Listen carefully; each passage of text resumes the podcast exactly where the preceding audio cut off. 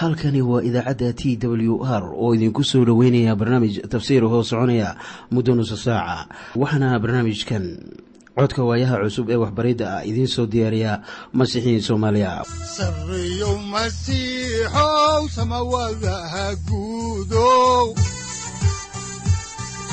Siraadkii adduunkow subanaha eebow sareyow masiixow samawadaha guudow siraadkii adduunkow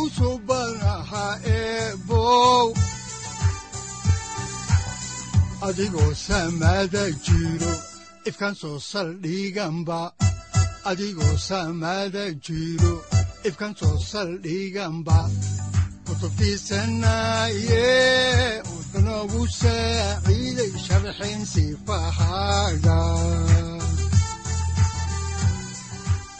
ku soo dhowaada dhegaystayaal barnaamijkeenna dhammaantiinba waxaan horay u sii ambaqaadi doonnaa daraasaadkii la magac baxay baibalka dhammaantii. Waxaannu idiin sii wadi doonnaa caawa kitaabka xaakinnada oo qayb ka ah kutubbada axdigii hore. Waxaannu idiin sii wadi doonnaa caawa kan afar iyo tobanaad ilaa kan iyo lix iyo tobanaad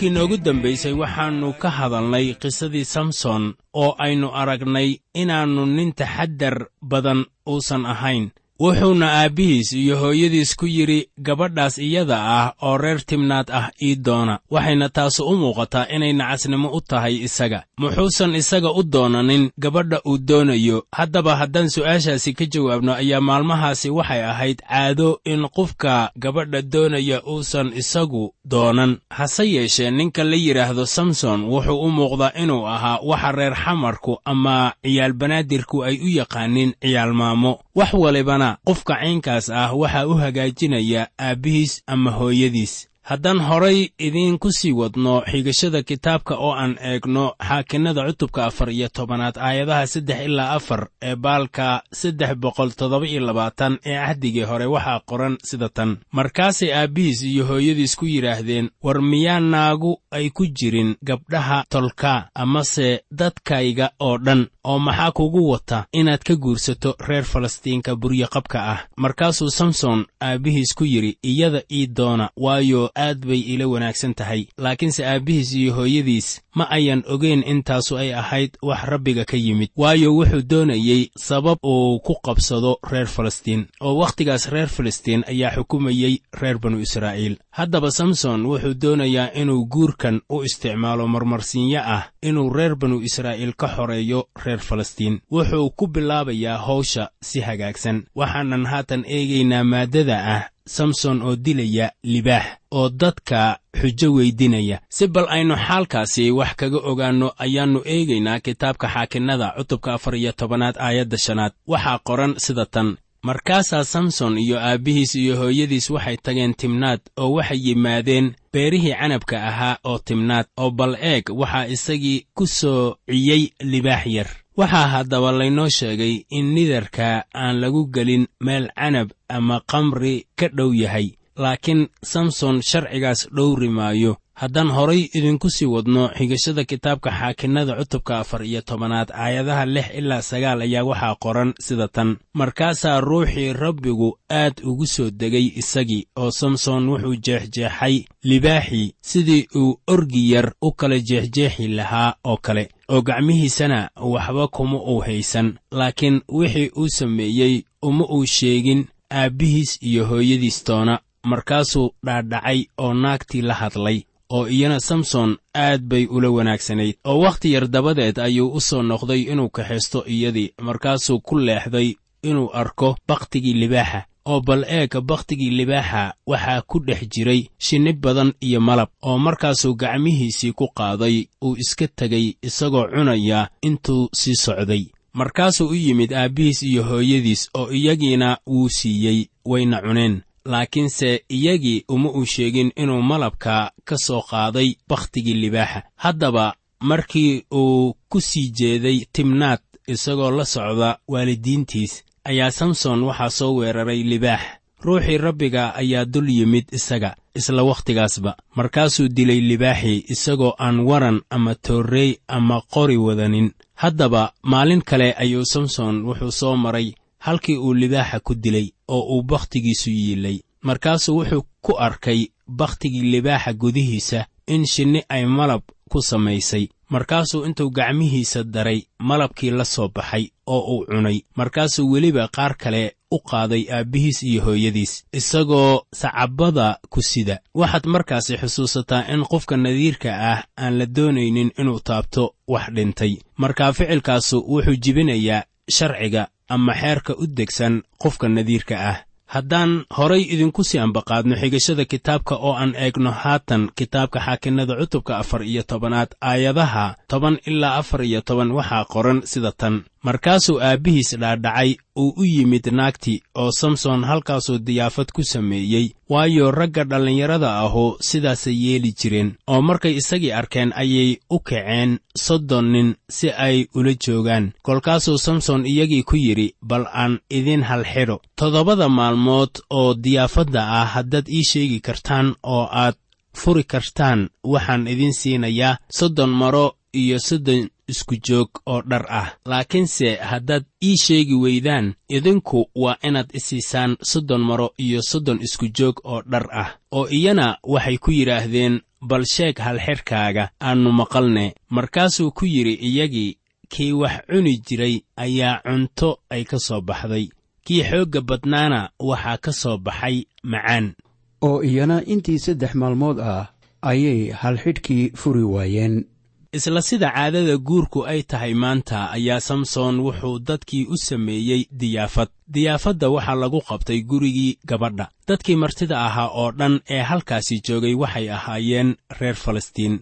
Xujadu waxay berigaasi ahaan jirtay wax dadku ay madadaalo ahaan u sameeyaan ama ay u isticmaalaan. Samson wuxuu dadkii ula yimid haddaba xujo. Wuxuuna ku yidhi haddaba xujadan waa in toddobada maalmood ee arooska loo dabbaaldegayo la furaa. Haddii ay xujadu furaan samson wuxuu yidhi waxaan bixinayaa soddon maro iyo soddon isku joog oo dhar ah. Haddiise ay furi waayaan xujadu waxay ahayd inay siiyaan samson soddon maro iyo soddon isku joog oo dhar ah. Haddaba haddaanay garanaynin libaaxii dhintay ee shinnidu bakhtigiisii ay ku dhashay malabka ayaanay jirin si kale ee martidaasi ay ku garan karaan xujada samson haddaan horay idinku sii wadno kitaabka ayaannu eegaynaa xaakinnada cutubka afar iyo tobanaad aayadaha shan iyo toban ilaa siddeed iyo toban. Waxaana qoran sida tan.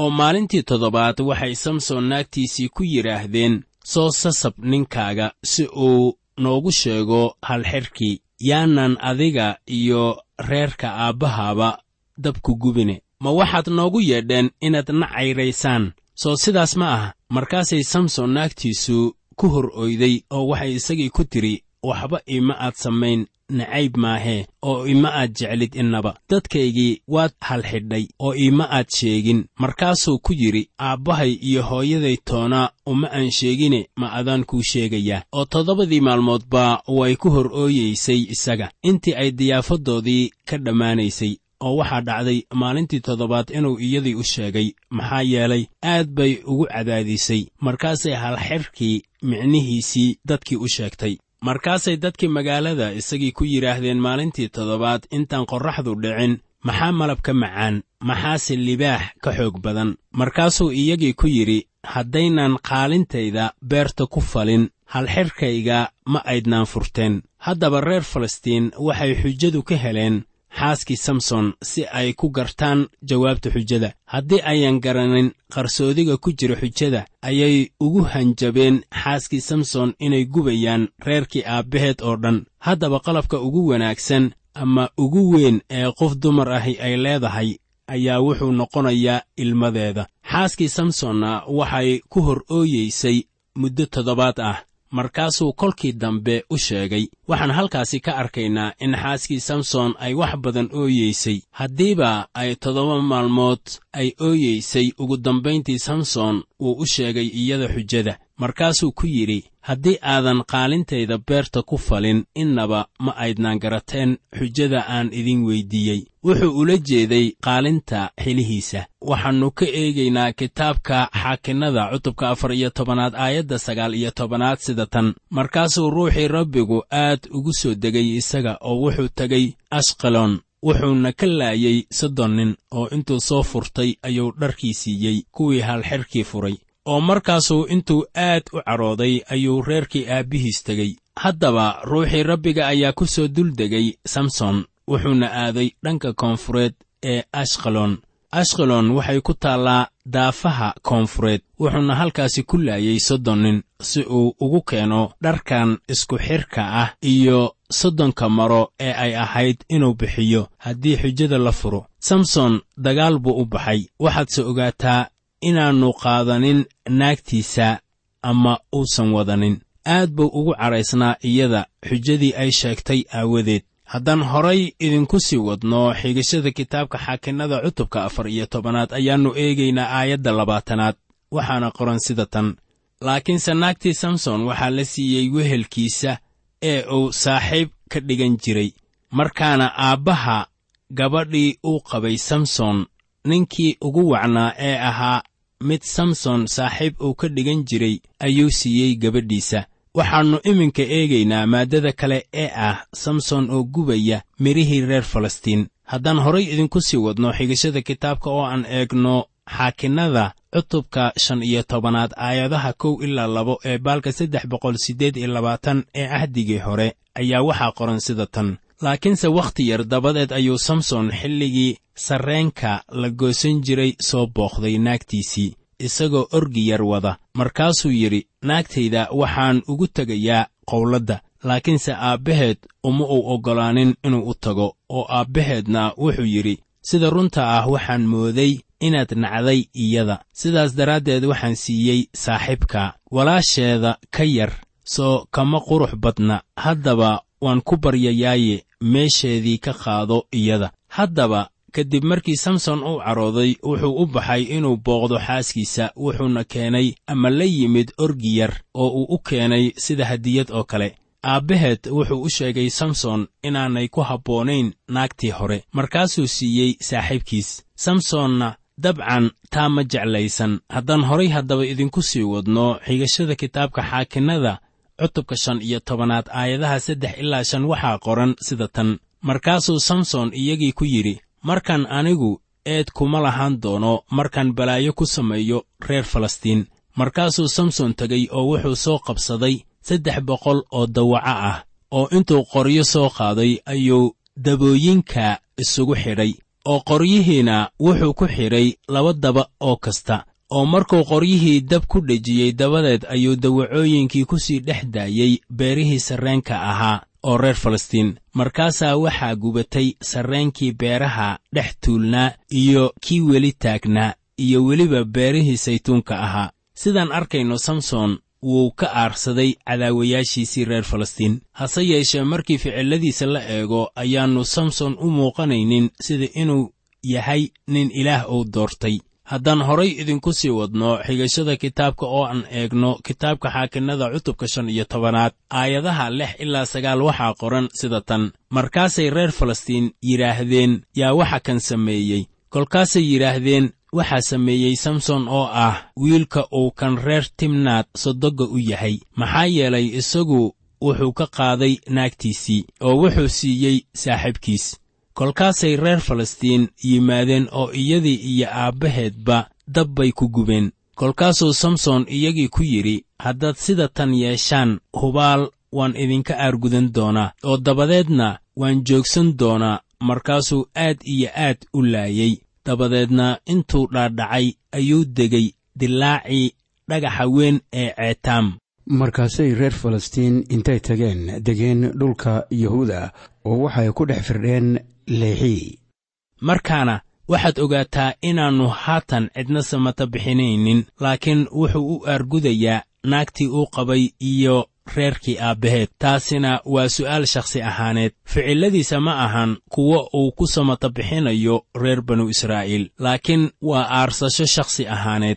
Haddaan horay idinku sii wadno kitaabka ayaannu eegaynaa samson oo qudha ka jaraya kun nin oo reer falastiin ah. Kadib markii uu laayey reer falastiin ayaa samson cadowgii uu ka sii cadhaysiiyey markaasay bilaabeen inay meel waliba ka raadiyaan. Wuxuuna bilaabay inuu iska dhigo sida in dadkiisu ay soo qabteen iyagoo iska dhigaya sida inay reer falastiin doonayaan inay la nabdaan oy ninkan iska qabtaan. Haddaan horay idinku sii wadno xigashada kitaabka xaakinnada cutubka shan iyo tobanaad aayadda afar iyo tobanaad ayaa waxaa qoran sida tan. Oo markuu lexi yimid ayay reer falastiin qayliyeen intay ka hor yimaadeen markaasuu ruuxii rabbiga aad ugu soo degay isagii. Oo xarkihii gacmihiisa ku xidhnaa waxay noqdeen sidii geed laynen ah oo dab lagu gubay berihiina way ka dhaceen gacmihiisii. Haddaba reer yuhuudda ah ayaa waxay soo qabteen samson oo iska dhigaya sida maxbuus waxaanay keeneen leexii oo ay degganaayeen reer falastiin. Cadowga aad buu ugu farxay inuu arko samson oo loo keenay isagoo xidhxidhan markaasuu haddiiba wuxuu kala gooyey wixii gacmihiisa ku xidhnaa sida inaan waxba lagu xidhin oo kale. Waxaan mar kale arkaynaa xoogga ninkanu uu lahaa laakiin xooggaasu ma ahayn xooggiisa. Haddaan horay idinku sii wadno xigashada waxaan eegaynaa cutubka shan iyo tobanaad aayadda shan iyo tobanaad waxaana qoran sida tan.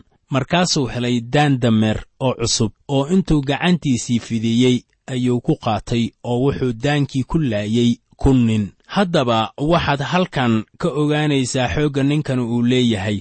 Markaana waxyaabahaasi oo dhan xooggiisa kuma samayn karo waxaase sameeyey ruuxa rabbiga. Wixii ninkan siiyey xoogga iyo itaalka intaa la eg waxay ahayd inuu israa'iil samato bixiyo. Laakiin haddii uu dagaalka sidaas u sii wadi lahaa wuu xorayn lahaa reer banu israa'iil. Maxayse kugu taallaa sidaas ma uusan yeelin? Waxaanan taasi ku arki doonnaa cutubka xiga.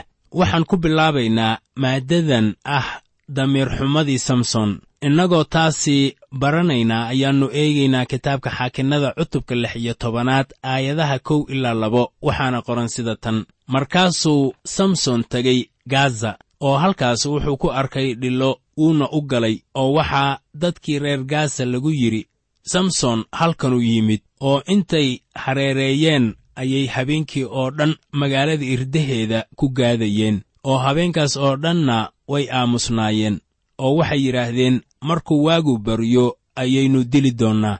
War muxuu ahaa nin damiir xun.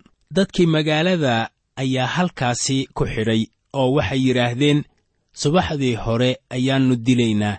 Haddaan horay idinku sii wadno xigashada kitaabka xaakinnada ayaannu eegaynaa cutubka lix iyo tobanaad aayadda saddexaad waxaana qoran sida tan. Oo samson ilaa iyo habeenbarkii ayuu jiifay oo wuxuu kacay habeenbarkii oo gacanta ku qabsaday albaabadii magaalada irdaheeda iyo labadii tiir. Markaasuu fujiyey dhammaantood iyo khataarkiiba oo garbuhu saaray oo wuxuu la tegay buurta xebroon ku hortaal dusheeda.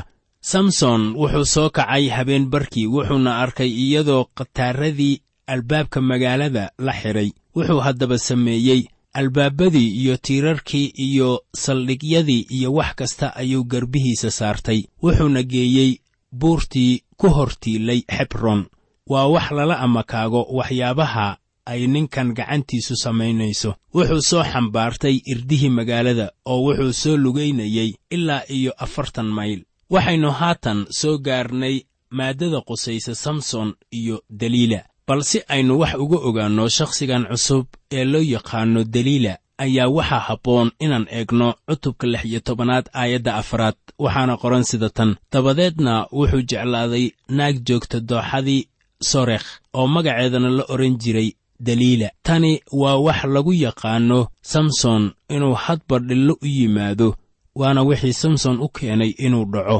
taasaana keentay guuldarradii ugu weyneed ee noloshiisa oo naago ayaa isaga dhulka keenaya wuuna u nuglaa hablaha waayo aad buu u jeclaa inuu la haasaawo hablaha. Haddaba ninna si degdeg ah dembi uguma dhaco laakiin si tartiib ah ayaa dembiga loo galaa waana lagu sii socdaa kadib.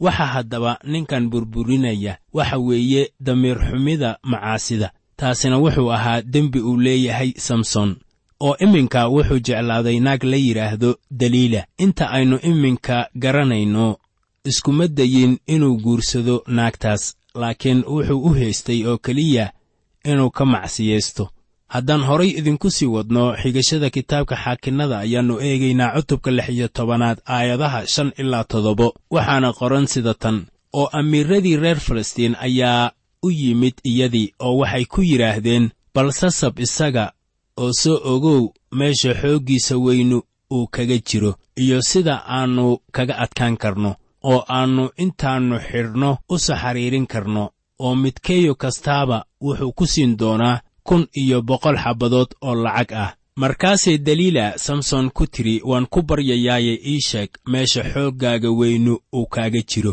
oo maxaa lagugu xidhi karaa si lagu saxariiriyo oo samsonna wuxuu iyadii ku yidhi haddii lagu xidho toddoba xadhig oo qoyan oo aan weligood engegin markaasaan taagdarnaanayaa oo waxaa noqonayaa sida dadka kale. Waxaa laga yaabaa inay ku xaqiiqsan tahay in daliila ay wax badan doonayso lacagta oo aysan dan ka lahayn samson. Mar kale ayaa reer falastiin madaxdooda ay heleen jid lagu soo qabto samson.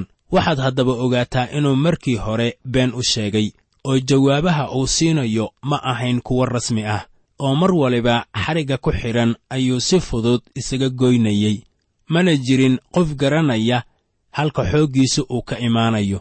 Haddaan horay idinku sii wadno xigashada kitaabka oo aannu eegno xaakinnada cutubka lix iyo tobanaad aayadaha toban ilaa kow iyo toban waxaa qoran sida tan. Markaasay daliila samson ku tidhi bal eeg waad igu majaajilootaye oo been baad ii sheegtaye haddaba waan ku baryayaaye ii sheeg waxa lagugu xidhi karo oo isna wuxuu ku yidhi haddii laygu xidho xarga cuscusub oo aan lagu shaqayn markaas waan taagdarnaanayaa oo waxaa noqonayaa sida dadka oo kale. Mar kale ayuu haddana iyadii been u sheegay oo intay xadhig ku xidhtay ayay ku tidhi samsonow reer falastiin waa kuwan. Markaasuu isla markiiba xargihii kala gooyey oo daliila way daashay. Markaasay ka niyad jabtay saaxiibkeed haddaan horay idinku sii ambaqaadno xigashada kitaabka oo aan eegno cutubka lix iyo tobanaad aayadaha saddex iyo toban ilaa afar iyo toban ee kitaabka xaakinnada waxaa qoran sida tan. Markaasay daliila samson ku tidhi haddaba tan iyo markii hore waad igu majaajilootay oo been baad ii sheegtay. Ii sheeg waxa lagugu xidhi karo. Markaasuu ku yidhi toddobada raamood oo madaxayga haddaad dharsameeye duntiisa kula tidicdid. Waan taagdarnaanayaa markaasay qodob ku qodobtay oo ay ku tidhi samsonow reer falastiin waa ku hayaan. Oo intuu hurdadii ka soo toosay ayuu rujiyey qodobadii iyo looxii dunta iyo duntii dharsameeyaha. Haddaan wax mala malayno ayaan idiin sheegayaa in samson uu haatan itaalbeelayo waxaana bilaabanaya in ninkanu uu baaba'o ama ishalligo wuxuu haatan u soo dhowaaday inuu sheego halka xooggiisu uu ka imaanayey oo ahaa timihiisa. Laakiin weli been buu u sheegayaa oo markii ay tidhaahdo war samsonow reer falastiin waa ku hayaan ayuu isla markiiba ka boodayaa oo uu iska soconaya haddaan horay idinku sii wadno xigashada kitaabka ayaannu eegaynaa kitaabka xaakinnada cutubka lix iyo tobanaad aayadaha shan iyo toban ilaa toddoba iyo toban. Waxaana qoran sida tan. Markaasay isagii ku tidhi sidee baad u odhan kartaa waan ku jeclahay adigoo aannu qalbigaagu ila jirin. Bal eeg saddex jeer baad igu majaajilootay oo iima aadan sheegin meesha xooggaaga weynu uu ku jiro. Oo markay maalin walba hadalkeeda ku sii cadaadisay oo ay ku adkaysay ayaa naftiisii cariiri gashay ilaa dhimasho oo markaasuu u sheegay wixii qalbigiisa ku jiray oo dhan oo uu ku yidhi madaxayga mandiil lama marin waayo tan iyo markaan dhashay waxaan ahaa nadiir ilaah loo soocay. Haddii la ii xiidro xooggayga waa iga tegayaa oo waan taag yaraanayaa oo waxaan noqonayaa sida dadka oo kale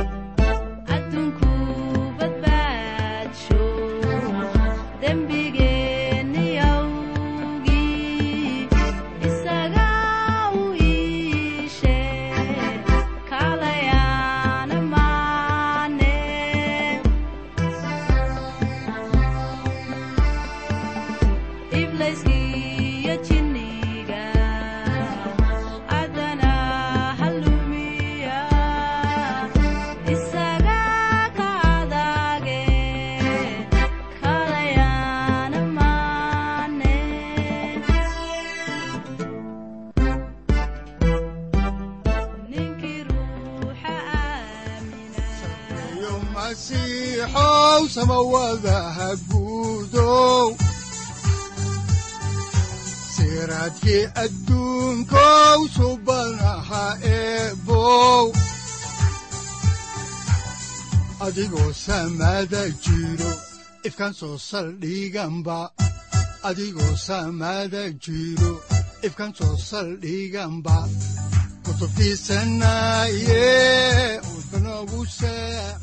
halkani waa t w r idaacadda t w r oo idinku leh ilaa ha idin barakeeyo oo ha idinku anfaco wixii aad caawi ka maqasheen barnaamijka. Waxaa barnaamijkan oo kalaa aad ka maqli doontaan habeen dambe. Hadahan oo kale haddiise aad doonaysaan in aad fikirkiina ka dhiibataan wixii aad caawi maqasheen ayaad nagala soo xiriiri kartaan som t w r at t w r c o k e haddii aad doonaysaan in aad dejiisataan oo kaydsataan barnaamijka ama aad mar kale dhegaysataan fadlan mar kale booqo www t w r o r g amase www t t b t w r o r g. Amase waxaad teleefoonkaaga ku kaydsataa ama ku download garaysataa agabyada ku sahli karaa dhegeysiga t w r haddii aad doonayso in laga kaalmeeyo dhinacyada fahamka kitaabka amase aad u baahan tahay duco fadlan fariimahaaga soo mari bogga aaraahda ama kommentska inana jawaab degdeg ah ayaanu ku soo diri doonaa amase ku siin doonaaye sareyow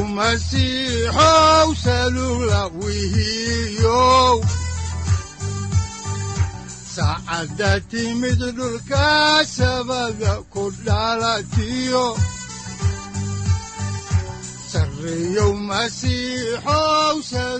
halkani waa t w r oo idiin rajaynaya habeen baraare iyo barwaaqaba leh. Inta aynu ka gaari doono wakhti aynu ku kulanno barnaamij la mida kan caawayay aad maqasheen. Waxa aan idinku leeyahay nabadda ciise masiix ha idinku badato xagga jidhka iyo ruuxaba. Aamiin